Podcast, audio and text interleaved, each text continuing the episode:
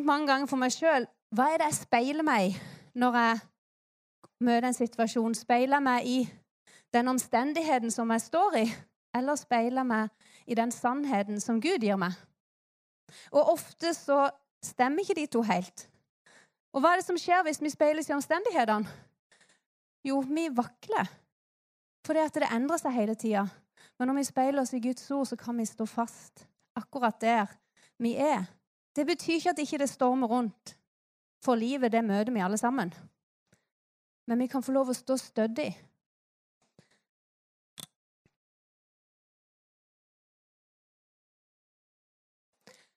Rotfestet og grunnfesta i Gud. Og du tenk på det? Hvis du har et tre som står skikkelig rotfesta i bakken, da klarer du ikke bare å dra det opp. Det skal ganske sterke stormer til, og det er faktisk noen trær som står uansett. Så vi trenger å bare grave røttene våre så dypt ned i Guds ord at uansett hvilken storm som kommer, så er røttene der. Så står de like stødig i Guds ord som det de gjør når alt går på skinner. For det vi trenger å virkelig bare oppleve og kjenne inni oss, å vite og vi, vi, kan tenke at vi vet oppi her, men å virkelig vite på innsida Guds sannheter, hvem Gud er, hvem vi er i Han, hvem Han er midt i våre omstendigheter. Og da kan vi få lov å stå trygge uansett hvordan det stormer rundt oss. Altså, lengsel etter at vi bare skal forstå, alle vi, hva det verket Jesus gjorde på korset, virkelig betyr. Hva det virkelig betyr at hans kraft bor i oss. Hva det virkelig betyr at vi kan få lov til å gå sammen med han hver dag. Hva det betyr at Jesus åpner veien for oss, sånn at vi kan være sammen med Gud til enhver tid. Vi trenger ikke å trenge oss gjennom noe, men Gud er der hele tida. Med åpne armer. Hva det betyr at vi er hans barn. Hva det betyr at vi er, at vi er kongelige, for vi er hans barn. At ikke vi bare på en måte kryper sammen og så Unnskyld at det er her, men at vi går med heva hode fordi vi vet at på innsida så bor Gud, kongenes konge, herrenes herre, med sin kraft. Det står i Efeserne 3, 17-19. Må Kristus ved troen bo i deres hjerter, og dere står rotfestet og grunnfestet i kjærlighet må dere sammen med alle de hellige bli i stand til å fatte lengden, høyden og dybden, ja, kjenne Kristi kjærlighet som overgår all kunnskap. Må dere bli fulgt av hele Guds fylde. Paulus ber dette for efeserne. Og så tenker jeg, Han ber ikke dette, og så tenker dette går jo ikke. Men han ber det fordi at det er mulig. Det er mulig å være fullstendig rotfesta og grunnfesta i Guds kjærlighet. Det er mulig å fatte lengden og dybden og høyden og bredden av den kjærligheten sammen med alle de hellige. Det er ikke sånn at ja, men nå har jeg jo fått Guds kjærlighet og er litt fornøyd, men faktisk så kan vi få oppleve mer av det. Vi kan få en større åpenbaring av hva hans kjærlighet er, og vi kan bli enda mer rotfesta i hans kjærlighet. Og hva handler det om? Jo, Guds kjærlighet det er jo at han sendte Jesus, som døde på korset for oss, og som sto opp igjen. At Jesus åpna veien, at han tok på seg all smerte, all skam, all skyld, all sykdom, det er Guds kjærlighet. Der skal vi være rotfesta i sannheten om hva Jesus har gjort for oss, i sannheten om hva Gud har gjort for oss. Men tenk om vi da virkelig kunne fatte denne lengden, og dybden og bredden av Guds kjærlighet. At ikke det bare ble i ord. For jeg tenker mange ganger når jeg leser dette, tenker jeg, ja, det er jo fint, ikke sant? For det, det blir så stort. Men tenk om vi virkelig, virkelig kunne fatte hva det betyr, hva det er Paulus egentlig ber om. Å komme der sjøl. At vi fatter lengden og bredden og dybden av hans kjærlighet. Jeg tror at da er det ikke så mye annet som betyr så mye.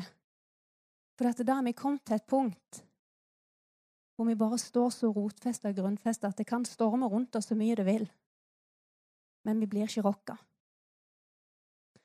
Det står i Romerne 5,5.: Håpet gjør ikke til skamme, for Guds kjærlighet er utøst i våre hjerter ved Den hellige ånd som blir gitt oss. Så denne kjærligheten som vi skal være rotfesta og grunnfesta i, den har Gud utøst i våre hjerter. Har dere tenkt på det? At den kjærligheten som han har vist oss, Den kjærligheten som Paulus ber om at de skal være rotfesta og grunnfesta i, fatte lengden, høyden og dybden av, den har Gud utøst. Det betyr at han har gitt den til oss i vår hjerte. Og så sier også Paulus at det er ingenting som kan skille oss fra Guds kjærlighet. Han sier det, for jeg er overbevist om at verken død eller liv, verken engler eller myndigheter eller makter, verken det som nå er eller det som skal komme, verken høyde eller dybde eller noen annen skapning, skal være i stand til å skille oss fra Guds kjærlighet, den som er i Kristus Jesus. Så ikke bare skal vi bli grunnfesta i denne kjærligheten, ikke bare har vi fått den på innsida, men det er ingenting som kan skille oss ifra han heller. Så Tenk om vi kunne fatte hva Paulus egentlig skriver. Jeg har en lengsel etter at vi skal se det, at vi skal se hva det virkelig betyr. At ikke det bare blir ord vi sier ut, men at det er noe som er levende på innsida. Så hva ser du? Vi skal midt inn i en historie i Det gamle testamentet. Moses han har ledet israelsfolket gjennom Egypt.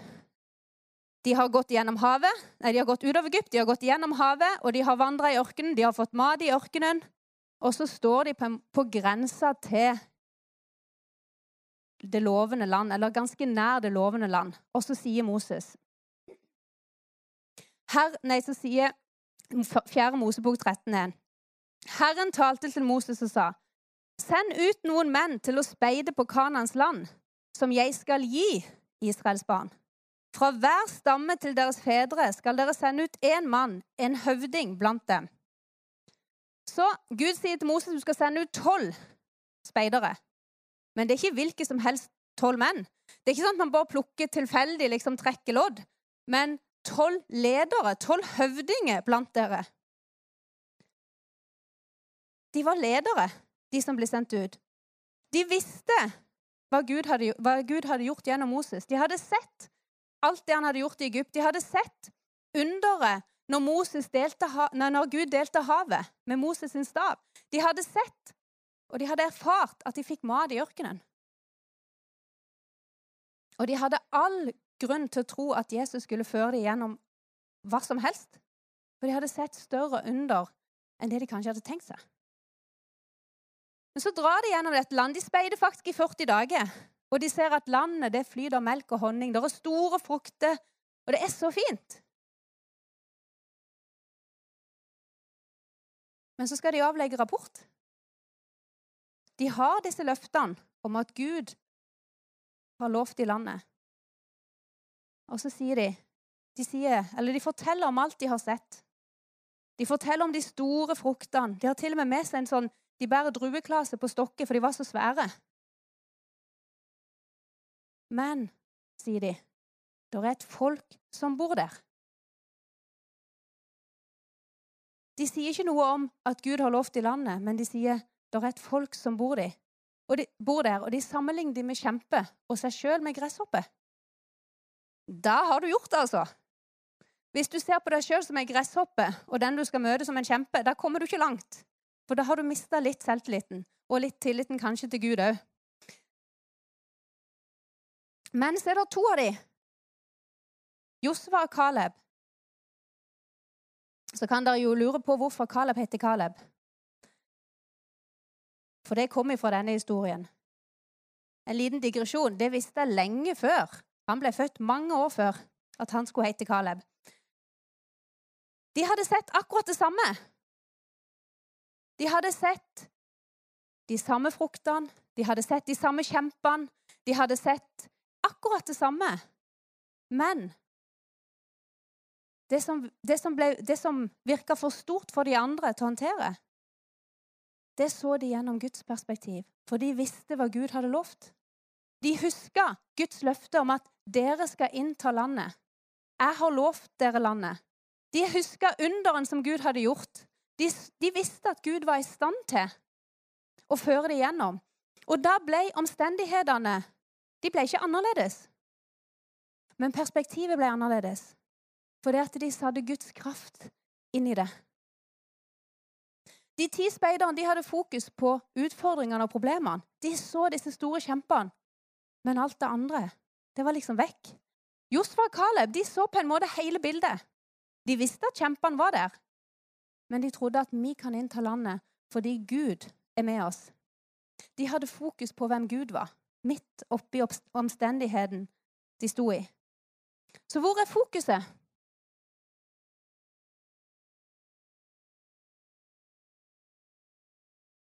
Jeg er dessverre til noen tider litt sånn at jeg ser detaljer. Og det er ikke alltid like positivt. For når du da kommer inn hjemme, og et bilde henger skjevt, hva er det første du oppdager? Jo, det er at bildet henger skjevt, og ikke at ungene har rydda kjempefint. Eh, du blir mer fokusert på den lille skjevheten i bildet enn det du blir på det flotte bildet du har foran deg. Eller eh, det kan være jeg ser den ene tingen som de har glemt å ta opp på gulvet, som jeg virkelig tar meg i det. For jeg, jeg, ser det med en gang. Det er bare sånn jeg er. Og sånn er vi litt forskjellige, ikke sant? Hvor vi har fokuset, er veldig forskjellig fra person til person.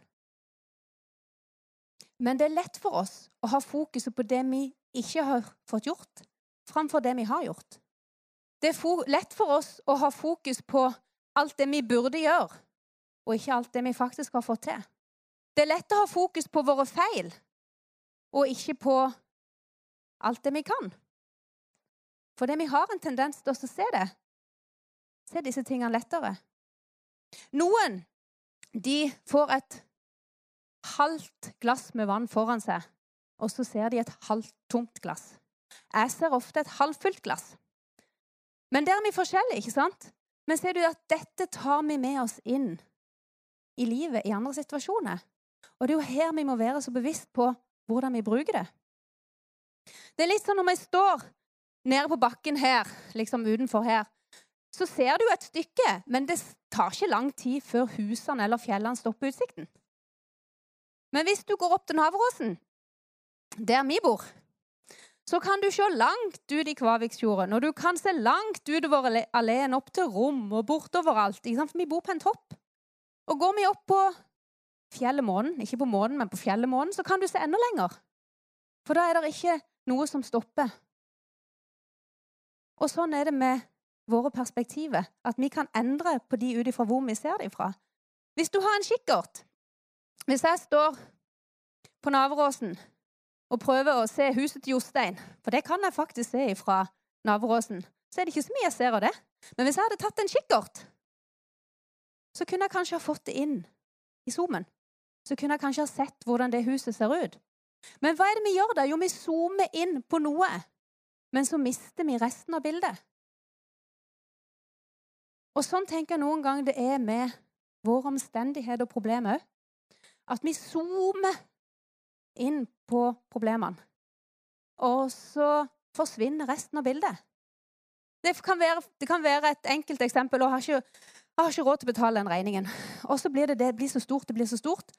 Men så er det masse glede som skjer ved siden av, som ikke man får tak i fordi at man er så fokusert på den ene tingen. Eller det kan være no, en dårlig nyhet, men så har du glemt alle de gode nyhetene. Man på en måte zoomer inn på den ene tingen, og så blir det større og større. Og jo mer man ofte på en måte graver i det sjøl, jo større blir det. Jo mørkere blir det. Speiderne de zooma inn på disse kjempene. Mens Josva og Caleb de zooma ut på det store perspektivet, hvor de visste at Gud, han kan overvinne enhver kjempe. Gud, han er større enn enhver kjempe.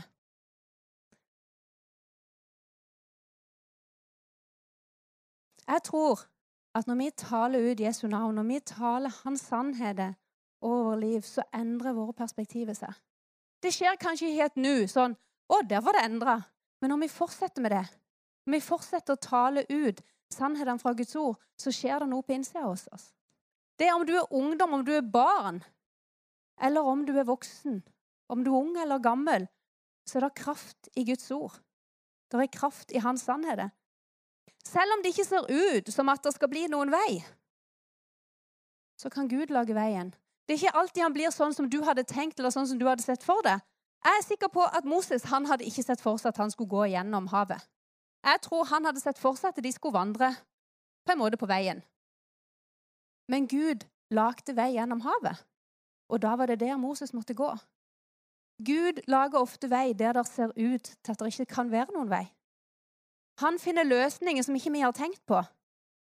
og så snur han ting rundt til det gode. For Gud han forandrer seg ikke selv om mine omstendigheter forandrer seg. Gud forandrer seg ikke. Hans sannheter forandrer seg ikke uansett hvordan mine omstendigheter endrer på seg.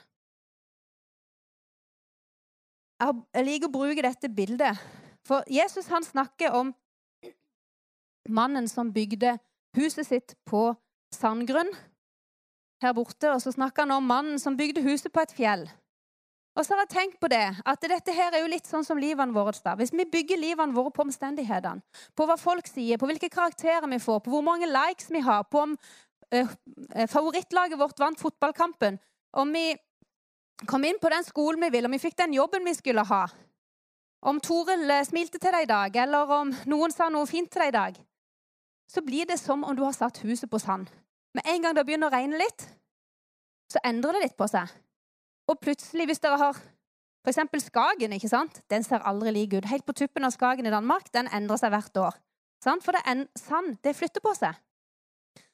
Så i morgen så vil det da ikke se likt ut som det det egentlig ser ut i dag. Men hvis du da bygger livet på Guds ord, på hans sannhet, som alltid står fast, da er det ikke noe sand. Da er det stein, og det flytter ikke på seg uansett. Når det er fjell, stødig fjellgrunn, så står det fast. I apostlenes gjerninger så kan vi lese om Paulus og Silas som er kasta i fengsel. De har ikke gjort noen ting galt, annet enn at de har talt Guds ord, og det var det noen som ikke likte. Og de er plassert innerst i fangehullet. Der sitter de. Og hva gjør de? Jo, de synger lovsanger til Gud. Altså, Ja, i et norsk fengsel kanskje det var mulig, liksom, tenker vi kanskje. Men å sitte innerst i fangehullet, hvor det var rotter, mus og all slags småkryp, og de satt bonden fast, så synger de lovsanger til Gud. Midt oppi omstendighetene.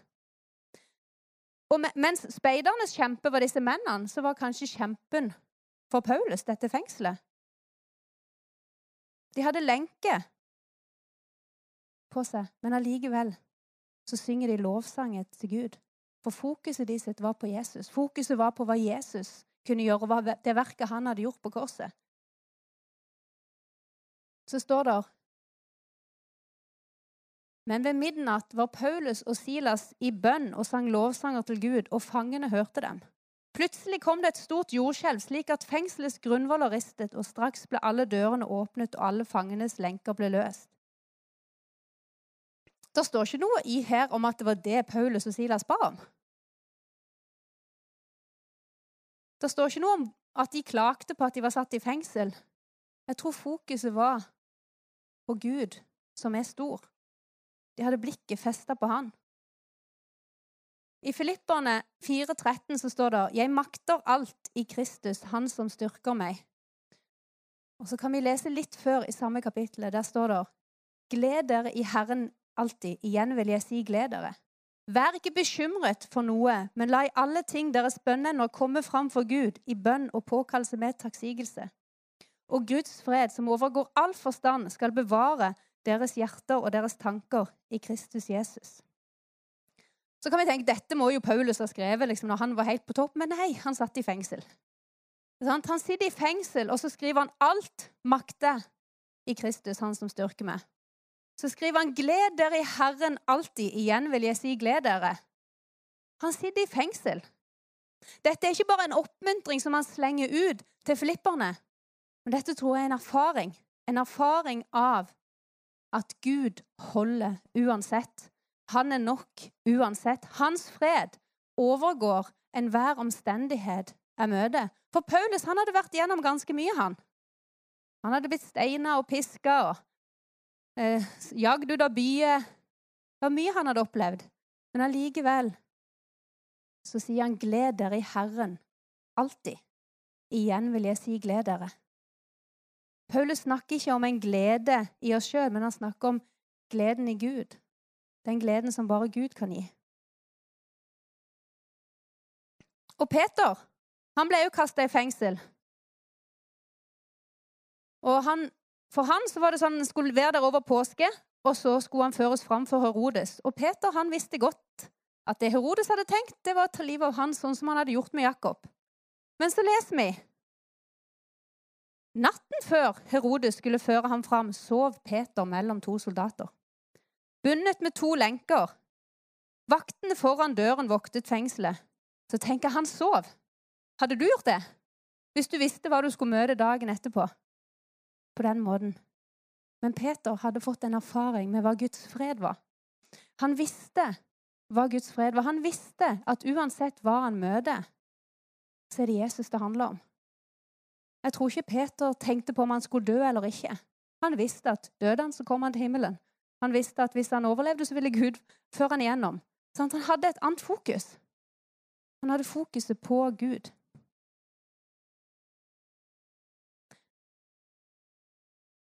Se hele bildet. Det er jo faktisk helt reelt at det var kjempe i det landet som speiderne så. Det var sant at byen var godt beleira, og det var et mektig folk som bodde der. Og Hvis vi ser på historien til Paulus og Silas, så var det sant at de var i fengsel. Det var sant at de var bonden, det var sant at de absolutt ikke hadde det greit. De hadde sikkert store smerter, for de hadde blitt piska og slått. Peter, det var sant at han visste hva han skulle møte dagen etterpå. Omstendighetene var der. Omstendighetene var ikke sånn at de hadde tatt de vekk. Omstendighetene var de samme. De omstendighetene som vi opplever, de er helt reelle. Og noen situasjoner kan føles helt låst. Noen situasjoner kan være sånn at du har gått i det i mange år, og du tenker dette vil aldri ta slutt. Alt ser mørkt ut, og man lurer på når i alle dager skal vi komme ut av denne mørke tunnelen. Og så er det jo sånn, dette har jeg erfart sjøl, at jo mer jeg ser på denne mørke tunnelen, jo mørkere blir tunnelen. Men det er de gangene jeg har klart å løfte blikket og se på Han som er lys i mørket. Se på Han som er veien, sannheten og livet. At det har begynt å lysne i tunnelen. Det er ikke sikkert omstendighetene har forandra seg med en gang. Noen ganger så har de vart veldig lenge. Men mitt perspektiv og min opplevelse midt oppi omstendigheten har forandra seg. For Gud er mektig til å endre måten vi ser ting på. Men han er mektig til å endre omstendigheter. Han er større enn omstendigheter. Men det er ikke alltid vi forstår det som skjer. Og da er det ikke sånn at vi skal prøve å lage våre forklaringer heller. For jeg tror noen ganger så tar vi vår erfaring, og så prøver vi å forklare Guds ord. Og så forsvinner noe av sannheten i Guds ord. Guds ord er sant uansett det. Uansett hva mine omstendigheter sier. Guds ord er sant uansett hva jeg opplevde. Guds ord er sant uansett hvilken økonomisk krise jeg står i. David sier i Salme 23.: Selv om jeg skulle vandre gjennom dødsskyggens dal, frykter jeg ikke for noe ondt, for du er med meg. Din kjepp og din stav trøster meg. Uansett hva du står i, så er Gud med deg, for det har han lovt oss. Og så tenker jeg ja, men når situasjonen ikke ser sånn ut, ja, men allikevel så kan vi stå fast på Guds ord. Det betyr ikke at vi skal fornekte omstendighetene, for det er ikke det jeg snakker om. Hallo, vi er mennesker, og det skjer ting i livene våre. Men vi kan få lov å proklamere ut sannhetene fra Guds ord uansett. Jeg kan få lov til å si ut at Jesus er min lege uansett om jeg er sjuk. For at den sannheten gjelder om jeg er syk. Jeg kan få lov å proklamere ut at Gud er min forsørger. Uansett om akkurat nå så ser det ut som at regningene ikke skal bli betalt denne måneden. For jeg kan få lov til å tale ut det som Guds ord sier. Og så tror jeg òg at jo mer jeg fyller meg med det, jo lettere er det å si det ut. For det handler ikke om hvem jeg er, eller hva jeg får til, eller hva jeg har gjort, men det handler om hva Gud har gjort, og hvem han er og hva han er i stand til å gjøre. Bibelen sier i Jeremia 29,11 Dette er noen løfter som jeg bare har lyst til å ta med. For jeg vet hvilke tanker jeg tenker om dere, sier Herren. Tanker til fred og ikke til noe ondt. Jeg vil gi dere framtid og håp. Og hebreerne 13,5 sier, For han har selv sagt, Jeg skal aldri forlate deg og aldri svikte deg. Jesaja 53, 4-5. Sannelig, det var våre sykdommer han tok på seg. Det var våre smerter han bar. Mens vi regnet ham som rammet, slått av Gud og gjort elendig. Men han ble såret for våre lovbrudd. Han ble knust for våre synder. Straffen rammet ham for at vi skulle ha fred. Over hans sår har vi fått legedom. Dette står fast, uansett. Det er ingen som kan endre på Guds ord. Omstendighetene mine forandrer seg, ja. De kan forandre seg fra dag til dag. Du kan få en beskjed i morgen som ikke du var klar over. Eller du kan plutselig, plutselig er det en situasjon som løser seg i morgen. Det, kan, det er mange sånne endringer hele tida. Men det er viktig at vi står fast på Guds ord. Det handler om å velge å snakke sant om hvem Gud er midt i omstendighetene. Det er ikke alltid det er lett, men jeg tror vi kan gjøre et valg og snakke sant om hvem Gud er oppi omstendighetene. For alle de, tolv speiderne så det samme, men ti av de, det var akkurat som de glemte hvem Gud var midt i omstendighetene.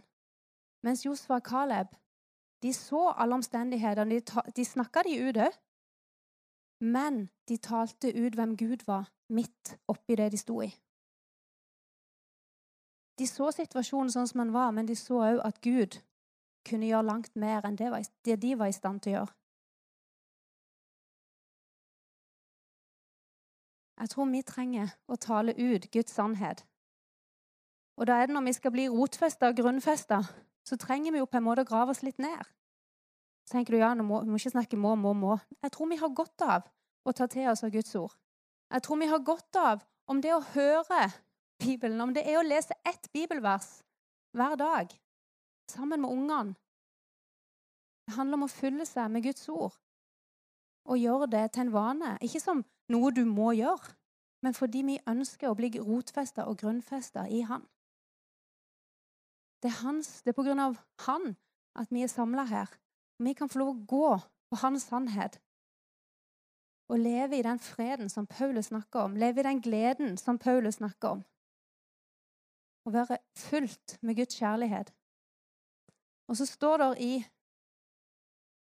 Jesaja 55, 11, Slik er mitt ord som går ut av min munn. Det vender ikke tomt tilbake til meg, men det gjør det jeg vil, og fullfører det jeg sender det til. Tenk på det. Når du åpner Bibelen, og du leser et Guds ord, så vender det aldri tomt tilbake. Men det gjør det som han vil det skal gjøre. Og det gjør det som han har sendt det til å gjøre. Når noen taler et Guds ord til deg, eller når du taler et Guds ord til noen, så vender ikke det tomt tilbake. Det kan godt være at alle de ordene som jeg har talt innimellom her, at det bare boff, det datt rett til bakken. Men Bibelen, Guds ord, det vender aldri tomt tilbake. Men det gjør det som han har sendt det til. Kan lovsangsteamet komme fram?